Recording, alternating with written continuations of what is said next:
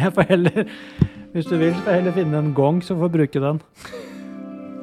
Ja, da kan vi ta med den i klippen. Vi hadde jo en episode for en liten stund siden, två uker siden mer eksakt, var det vel? Som handlade om å ge kjærlighet til andre. Eller kultivering av kjærlighet. det, vi, det var liksom eh, Og Och i förbindelse med det så fikk vi en, eh, en fråga av en person som jeg gjerne ville starte dagen med. Ja. Og eh, jeg er på norsk, som det alltid er, så jeg prøver meg. Eh, og det hun skriver er 'Jeg strekker meg langt for andre utan å tenke meg om. Det snakket om at man skal favne andre i stedet for å lengte etter å bli favnet. Vad hvis man alltid er den som favner? Jeg kan føle meg egoistisk og utakknemlig om jeg ikke tar ansvar for andre. Samtidig er det vanskelig for andre å passe på meg om jeg aldri gir dem sjansen. Hvordan finne balansen der man tar vare på seg selv og andre? Hvordan unngå å alltid sette andres behov foran egne?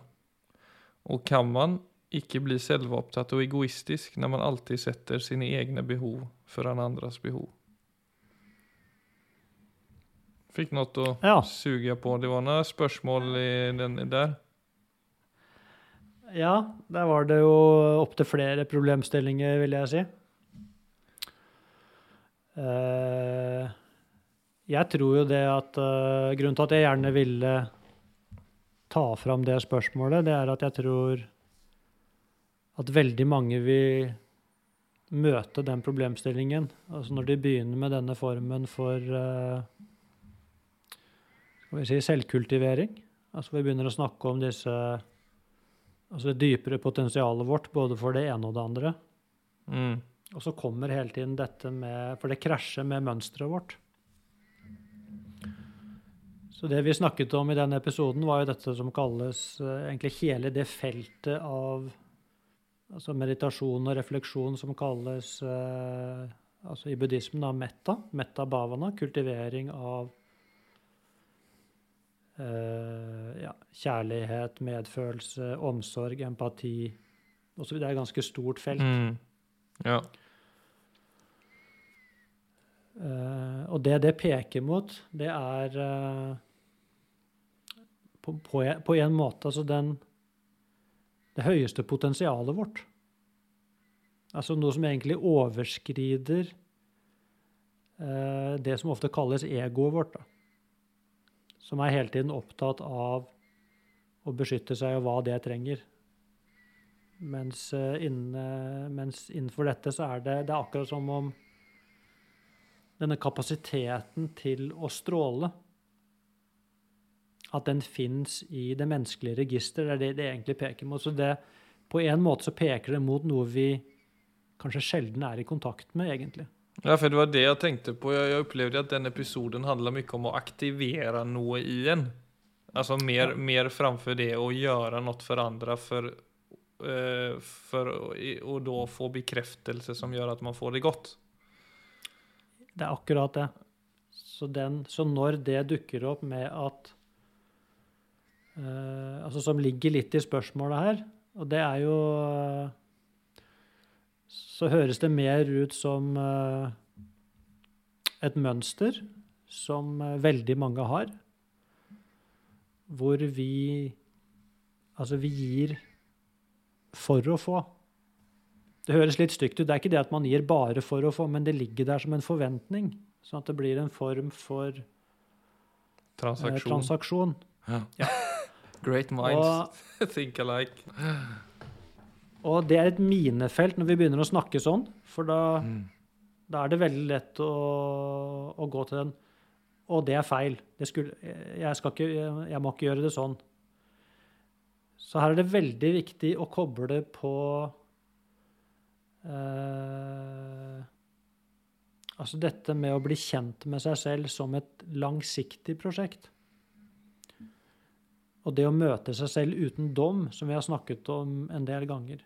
Så, så for at det skal bli noe greie på det hun egentlig spør etter her, så må man vende blikket mot altså mot seg selv, og bli nysgjerrig. Og samtidig være dønn ærlig med seg selv og, og legge bort all dom.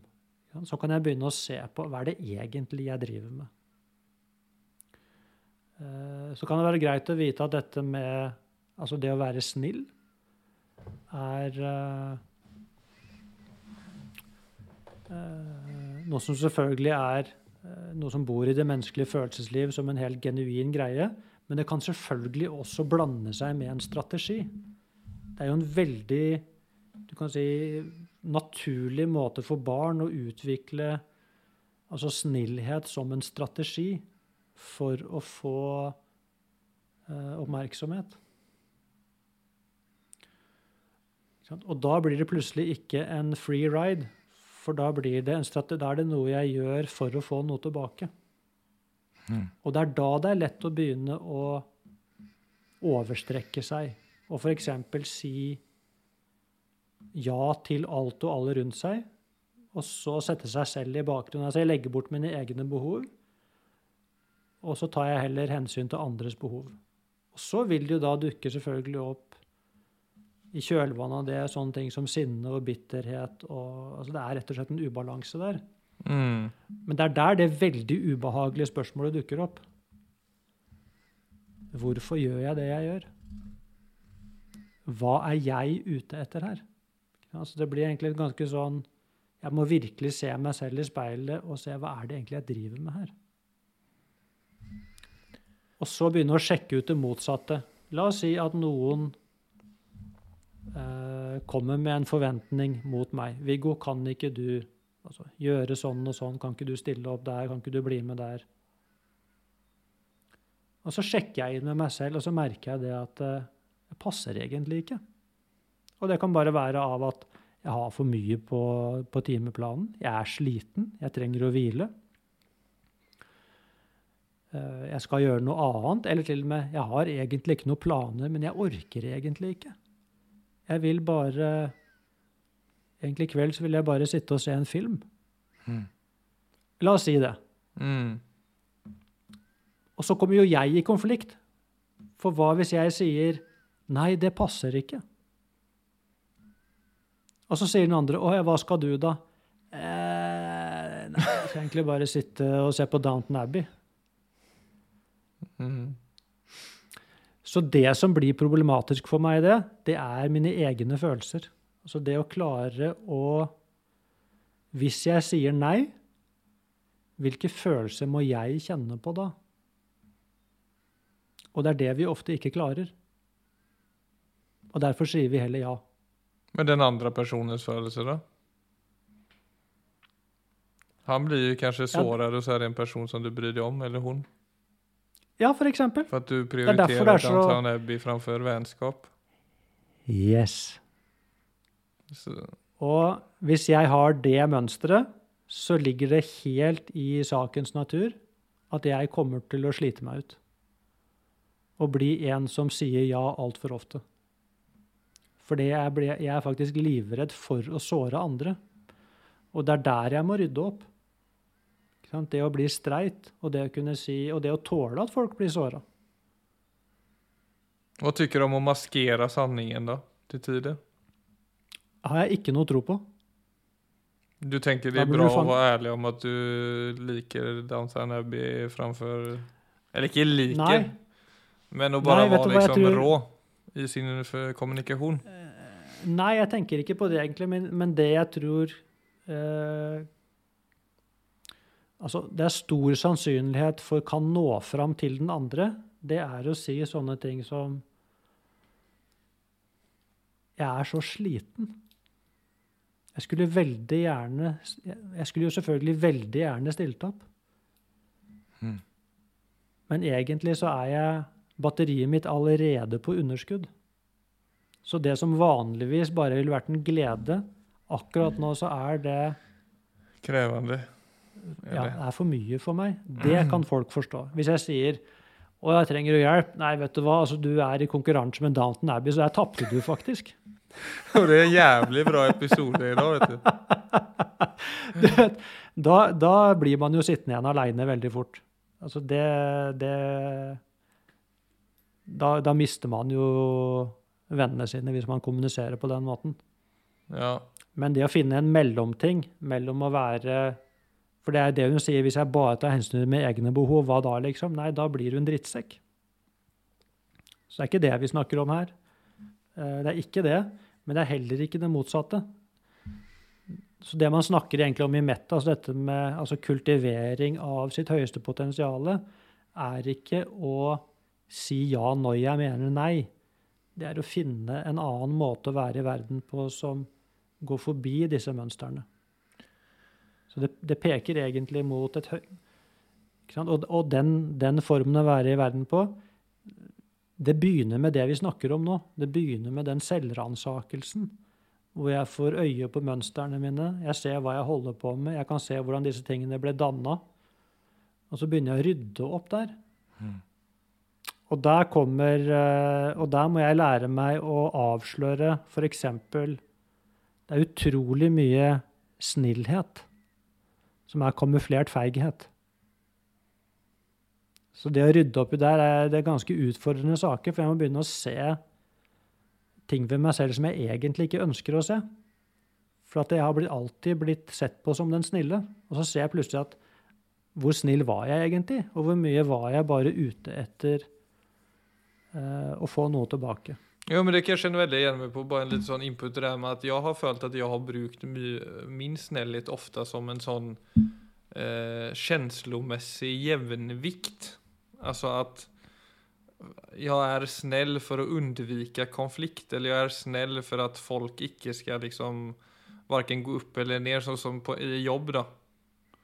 Så i stedet for å liksom være tydelig og ærlig på hva jeg kanskje tykker, så sier jeg bare noe som jeg vet bare jevner ut følelseslivet hos den andre personen. Så at allting blir litt sånn på nivå, så slipper man de der liksom ups and downsen. Ja, og det kan jo være en eh, fornuftig ting å gjøre innimellom. Men da er det veldig greit å vite at det er det jeg gjør. Så ikke jeg for meg selv kaller det snillhet. Men jeg kaller det altså i beste fall god konflikthåndtering. I verste fall bare for konfliktskyhet. Jeg tror Eller feighet. Ja, ja. ja. Det er nå Og det siste det være... der. At man ikke, som du sier, man, man, man orker ikke stå i liksom veldig bra, Philip. Ja, og da, for da er jeg, da er jeg redelig overfor meg selv. Og så vet jeg da at det jeg holder på med der, det er noe helt annet enn å være givende. Det er, det er, noe, det er noe annet. Mm.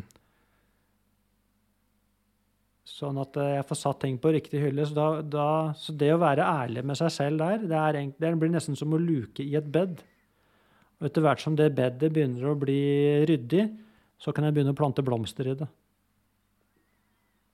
Men det er ikke mulig å plante blomster i et bed som er eh, tatt over av ugress.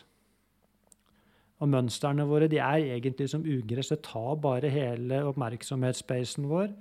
Mm. Men det er egentlig bare støy.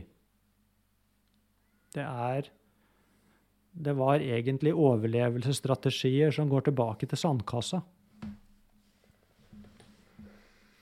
Så, og det er jo ikke for alle, men siden vår pod handler om det, så blir det jo dette med å Og der kan det være nyttig å gå tilbake i tid. Kikke litt på familiemønster, familieverdier, søsknene dine, og se sånn Bli nysgjerrig på hvordan var det egentlig jeg fikk kjærlighet i min familie? Hvordan fikk jeg oppmerksomhet? Hvordan fikk jeg viljen min? Hva var mine strategier? Hva var strategien til søsknene mine? Så vil du se det at eh, vi tar forskjellige roller i familier, men ofte så er det for å, det er for å oppnå ting. Og vi blir ofte speilet også på altså flinkhet, f.eks. Eller på snillhet. Eller man kan også bli speilet på å være opprøreren. Og så setter disse rollene seg, og så glemmer vi så I verste fall så har vi ikke fått speiling på eh, hvem vi egentlig er. Mm. Så det er veldig fort gjort å vokse opp uten egentlig å være noe særlig kontakt med seg selv på ordentlig. Så det er jo det man kan eh, begynne å se etter når man begynner å rydde i mønstrene. Og det blir jo da Hva er det egentlig jeg tenker om dette? Hva er det Ja. egentlig jeg mener om dette? Hva er det egentlig jeg har lyst til å si? Hva har jeg egentlig lyst til å bidra med? Så begynne å Så er det jeg tenker på, altså hva er mine behov? Så vil jeg tenke hva er mine egentlige behov? Ikke bare hva jeg har lyst til. Hva er det egentlige behovet mitt? Ja, for det, det leder meg faktisk Det leder meg til en artikkel som jeg tok del av i The Atlantic, som eh, handlet om en psykolog som hadde Altså, for du snakker om mønster. Og han hadde undersøkt det han kaller den indre røsten. Blir du nyfiken? Ja. Har du mye av en indre røst, forresten? Opplever du det? Ja. Det er jo eh, på mange måter en eh, Altså en konstant indre Ja, noen ganger er det en dialog, andre ganger er det en monolog. Andre ganger er det en samtale med et stort galleri. Men det er jo en indre røst hele tida. Ja, for det som var så interessant var, og så mange tror jo at det her er likadant for alle, at man hører en røst prate hele tiden, mer eller mindre. Og det denne forskeren da kom fram til gjennom å djupintervjua folk over tid, det var at 25% ikke har den indre røsten. Altså at ja, tanker, men at de man ikke da opplever det, at det er helt kledde i ord. Altså mønstrene, da, eller liksom det som driver en i livet. At for de fleste så er det på en måte som et samtale, som en røst som liksom snakker til en mer eller mindre. Men for 25% så er det litt mer flytende.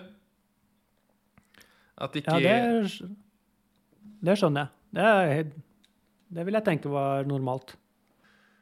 Og det er jo bare et interessant element i den ransaken av For du nevner jo det, liksom Det er jo den der indre røsten, eller det indre mønstret, som eh, hele tiden leder oss inn i f.eks. snillhet, da, tenker jeg. Ja, jeg vil jo tenke at det var Hvis du ser på det Altså en indre dialog Det var fint du sier det, Philip, at du At du utvider det. Jeg vil jo kanskje si sånn helt dypest sett at det er impulser. Så det er levende impulser som hele tiden eh, egentlig oppstår. Og de impulsene viser seg oss som tanker, som følelser, som stemninger, som uh, kroppslige impulser. Så alt dette er egentlig Jeg tenker på det egentlig som, ja, som informasjon. Altså som informasjonsladninger. Og som vi faktisk oversetter. Så, så det som er viktig, enten det kommer som en, eh, som en klar indre stemme eller som en dialog, eller hva det gjør, så er det noe med å se jeg er under konstant påvirkning. Og det er det viktig å bli kjent med. Hmm. Og den indre påvirkningen, den går i mønsteret. Det er helt garantert. Sånn at uh, i visse typer situasjoner så får jeg den og den type stemninger eller følelser eller tilstand eller tanker eller hva det enn måtte være. Men det er noe med å se hva gjør det med meg? For de tingene som kommer inn og definerer for meg hva er det dette øyeblikket betyr? Og hva skal jeg gjøre? Hva er god, gode handlingsalternativer akkurat nå? Ja, for jeg opplever at den liksom, hvis man skal bruke den indre røsten, da, som mange åpenbart eh, sikkert da kjenner igjen seg går jo veldig mye i sirkler, på en måte. Litt det du er inne på, at det, det, det er et sånt evig mas som repeterer Ja. seg ofte. Ja. Litt Ja, sånn, men det er jo ikke ingen sånn at, det er ingen eh, særlig fornyelse på det. Nei, det er det det ikke er. Det går i spor. Det er rett og slett uh, det man i mindfulness bare i ett ord kaller for fortid. Altså det er fortiden som repeterer seg selv i nåtid. Men da mister du det såkalte øyeblikket. Og så er det fortiden som bare fargelegger dette øyeblikket. Så jeg Mm. ser ikke øyeblikket som det er, det er bare fortiden som spiller seg ut i en ny drakt. Men det skjer da ikke noe nytt, for at dette er, det er det samme tema som jeg bare repeterer igjen og igjen og igjen og igjen. Og det er først ved at jeg blir klar over det, at jeg kan bryte ut av det. Mm. Så det er derfor det er så viktig. Det var det jeg nevnte i stad, som kan være en sånn god La oss si jeg står i en situasjon. Noen spør meg om jeg kan bidra med et eller annet. Eller de kommer med en eller annen forventning til meg. Og hvis jeg klarer å Hvis du så det på en film, og så setter jeg filmen på pause akkurat i det øyeblikket noen har spurt Viggo, kan ikke du gjøre sånn og sånn og sånn.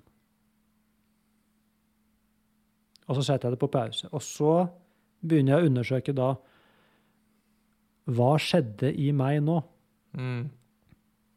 Når Philip spurte meg Viggo, kan ikke du eh, komme hjem til meg på søndag og bli med meg og male, male stua mi? Jeg trenger litt hjelp. Kan du ikke formulere deg på litt nye sett i podden?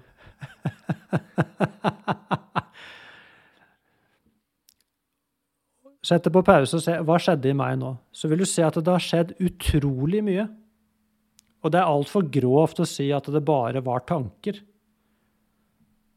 Det er mye mer subtilt. Det, har, det, er masse, det er masse stemninger, masse undercurrent som har begynt å skje. Det har sikkert også skjedd mye tanker.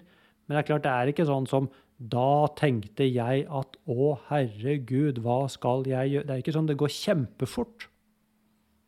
Så det pøser på med informasjon. Mm.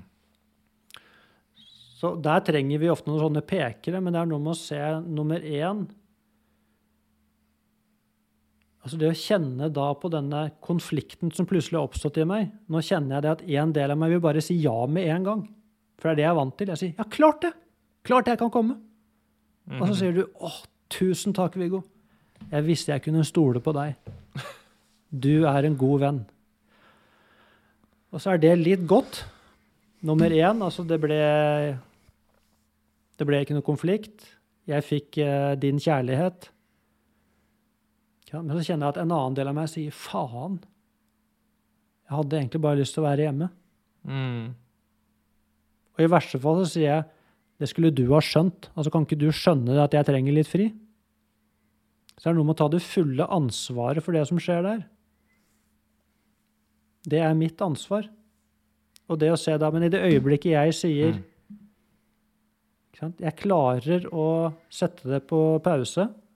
Jeg tar et pust og samler mot til meg, og så sier jeg eh, Nei, det passer ikke. Men da, må jeg, da dukker det opp helt andre følelser. i i Så øyeblikket jeg sier ja, ah, så er det en form for lettelse, for da slapp jeg å stå i det som var vanskelig. Mens det øyeblikket jeg sier nei, så Mm. begynner det som virkelig er vanskelig. Det er å stå i de vanskelige følelsene som dukker opp i meg nå, og ikke minst din motreaksjon. Og, for, og som eksempel, du tar det helt for gitt at jeg skal komme og sier å, hva skal du da? Og hvis jeg ikke har noe, jeg skal egentlig ingenting, så i hvert fall, så ljuger jeg og sier nei, jeg skal Men hvis jeg skal være helt ærlig, sier jeg skal ingenting. Det passer bare ikke. Kommer du fortsatt til å like meg? Eller, du da, eller dukker da ditt mønster opp som sier nå følger du deg avvist sier å nei, jeg trodde du var, trodde du var en god venn, jeg. Ja. Mm. Så det er så mye som skjer i disse enkle samhandlingene. Så det å klare å navigere i det med, altså med en ærlighet og en presises, og kunne ta ansvar for det som er mitt, og samtidig overlate det som er ditt, det lar jeg du ha. Uh, ja, det er kanskje noe av det mest komplekse som fins, men, men det er det vi snakker om, egentlig. Og dette skjer jo hele tida i større eller mindre grad. Nå har vi bare tatt ett enkelt eksempel. Men altså alt som skjer i livene våre, så vi, vi reagerer jo faktisk på hvert eneste øyeblikk som skjer. Mm. Så, så det er et langt lerret å bleke, det vi snakker om her. Men altså, det jeg tenker er at det her er jo Eller har du da en slags grunntanke om at om du opererer på den måten så vil det treffe personer på en bra måte, trots at man ikke nødvendigvis selv har reflektert over sånt, eller den personen som den andre parten, da. Eller vil man bare jeg- forvente at det også blir mye svårigheter og misforstand og Altså, vil, vil, man, vil man være tvungen å forvente det, på en måte? Når Ja, man det må du forvente. börjar en sånn ransakelse? Ja. Det kommer til å bli mye, mye greier som virvles opp, som det blir utfordrende å stå i. Så det å sette livet ditt på plass Hadde det vært enkelt, så ville alle gjort det. Altså, hvorfor gjør vi det ikke? Det er veldig vanskelig. Så ofte gjør man ikke det før man av en eller annen grunn tvinges fra innsiden. Mm. For det, at, eh, det tror jeg vi har snakket om før, men det kan vi godt, eh, en av de tingene vi godt kan repetere. Mm. Alle forholdene dine, alle relasjonene dine, består egentlig av kontrakter. Og det er det som er problemet? Ja, for at den kontrakten har gått ut på dato. For eksempel så er kontrakten det at eh, jeg alltid sier ja. Jeg er den snille som alltid stiller opp. Og så kjenner jeg plutselig at det er et mønster jeg kunne godt tenke meg å endre på. Så når jeg plutselig da sier nei til deg, Mm. så er det noe med å huske på at det er jeg som bryter kontrakten. Jeg ble med på å tegne den kontrakten en gang. Nå er det Mm. jeg som bryter den. Så det er ikke så rart hvis du blir litt skuffa, eller hvis du sier 'hæ, hva er dette for noe'? Du har- Så her er det liksom to muligheter. Det kan liksom blomstre ut i en ny mulighet og en mer genuin vennskap, om vi holder oss til det. Eller de kan faktisk gå stikk motsatt og gå i Ja. Ja. Men mellanvägen tror- ikke-bærekraftig, for för det er stiftet på gamle relationer. Eller på gamle Eller det er jo våre tendenser òg, for vi har jo det der, den här, det, det i oss om å liksom plassere folk. Han er morsom, hun er sjarmerende, han sier ja. Mm. Julie sier alltid nei, så henne skiter vi Altså det er sånn Ja. vi har jo veldig Du kan väldigt tänka sån deg- kontrollbehov på liksom organisere verden världen där. Ja, gjett om, ikke sant? Bare forestill deg nå at du skal pusse opp huset ditt, og så ser du over vennegjengen din. Så vil du se det at det er noen du ikke vil tenke på å spørre engang, for du vet at de Ja, de, Og så er det noen du helt klart vil forvente stiller opp. Altså, Ja. så det er superinteressant å kikke på disse tingene. Ja, men, det er klart liksom at er att du- man tillåter, sånn som det er klassisk med familje, sånn som når man vokser opp og man etablerer nye relationer i familjer, at man har vanskelig for å liksom se hverandre for den man har blivit og for den man er.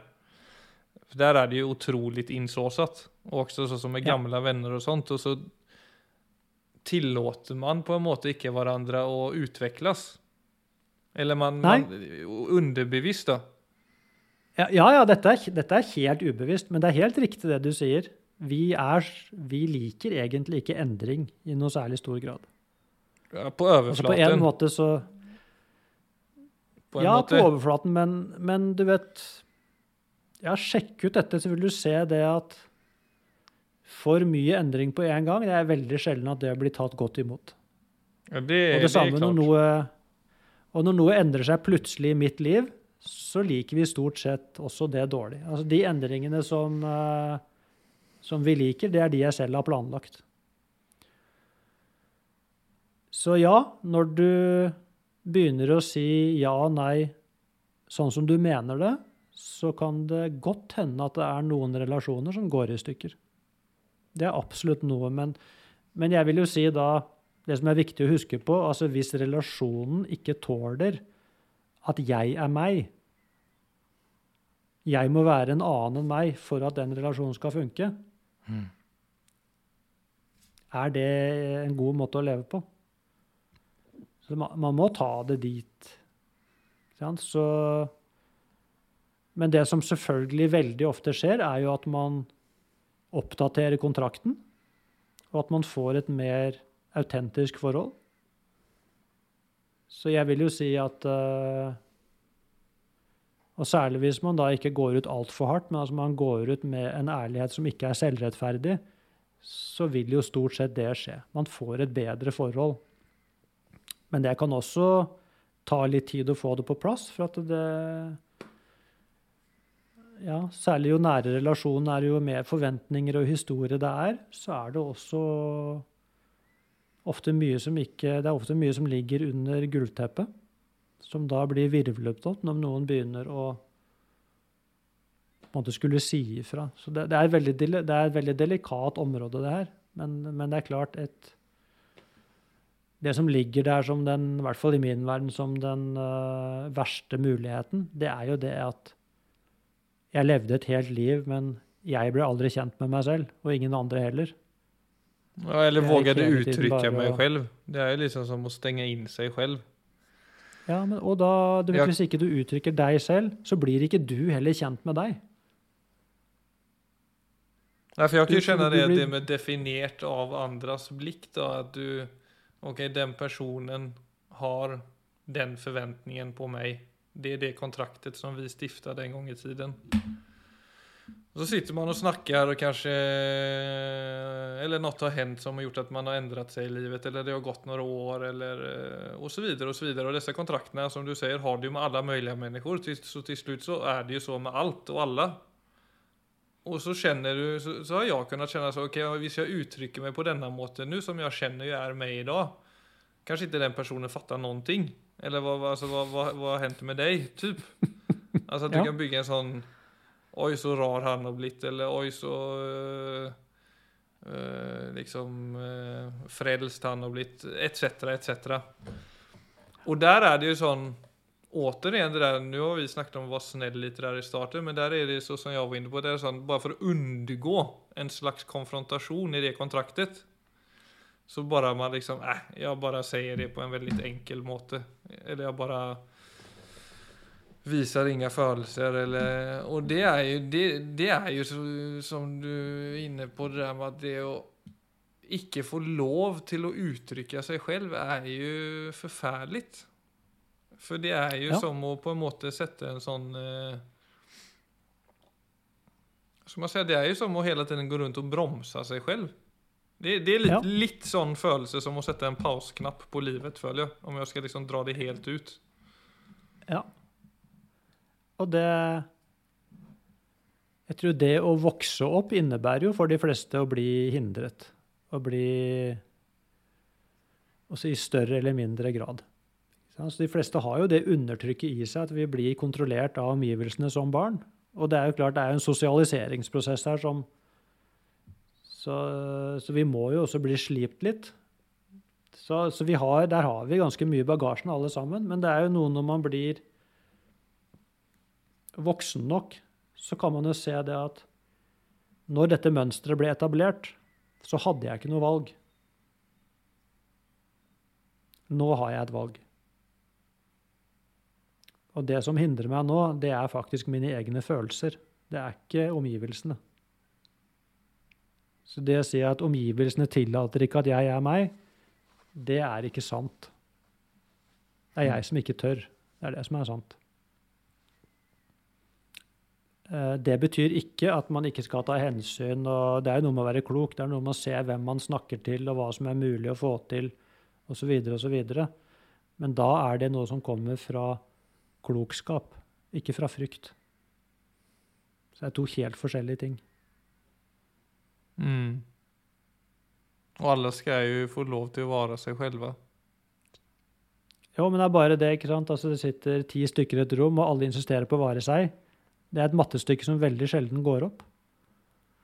Jo, men å være seg selv er jo å være klok, på en måte som du sier. Ja, nei, altså, vi, å være seg selv er jo ikke, det er ikke å være et primitivt dyr som bare utagerer på alle impulser som nei. strekkes ut av kroppen.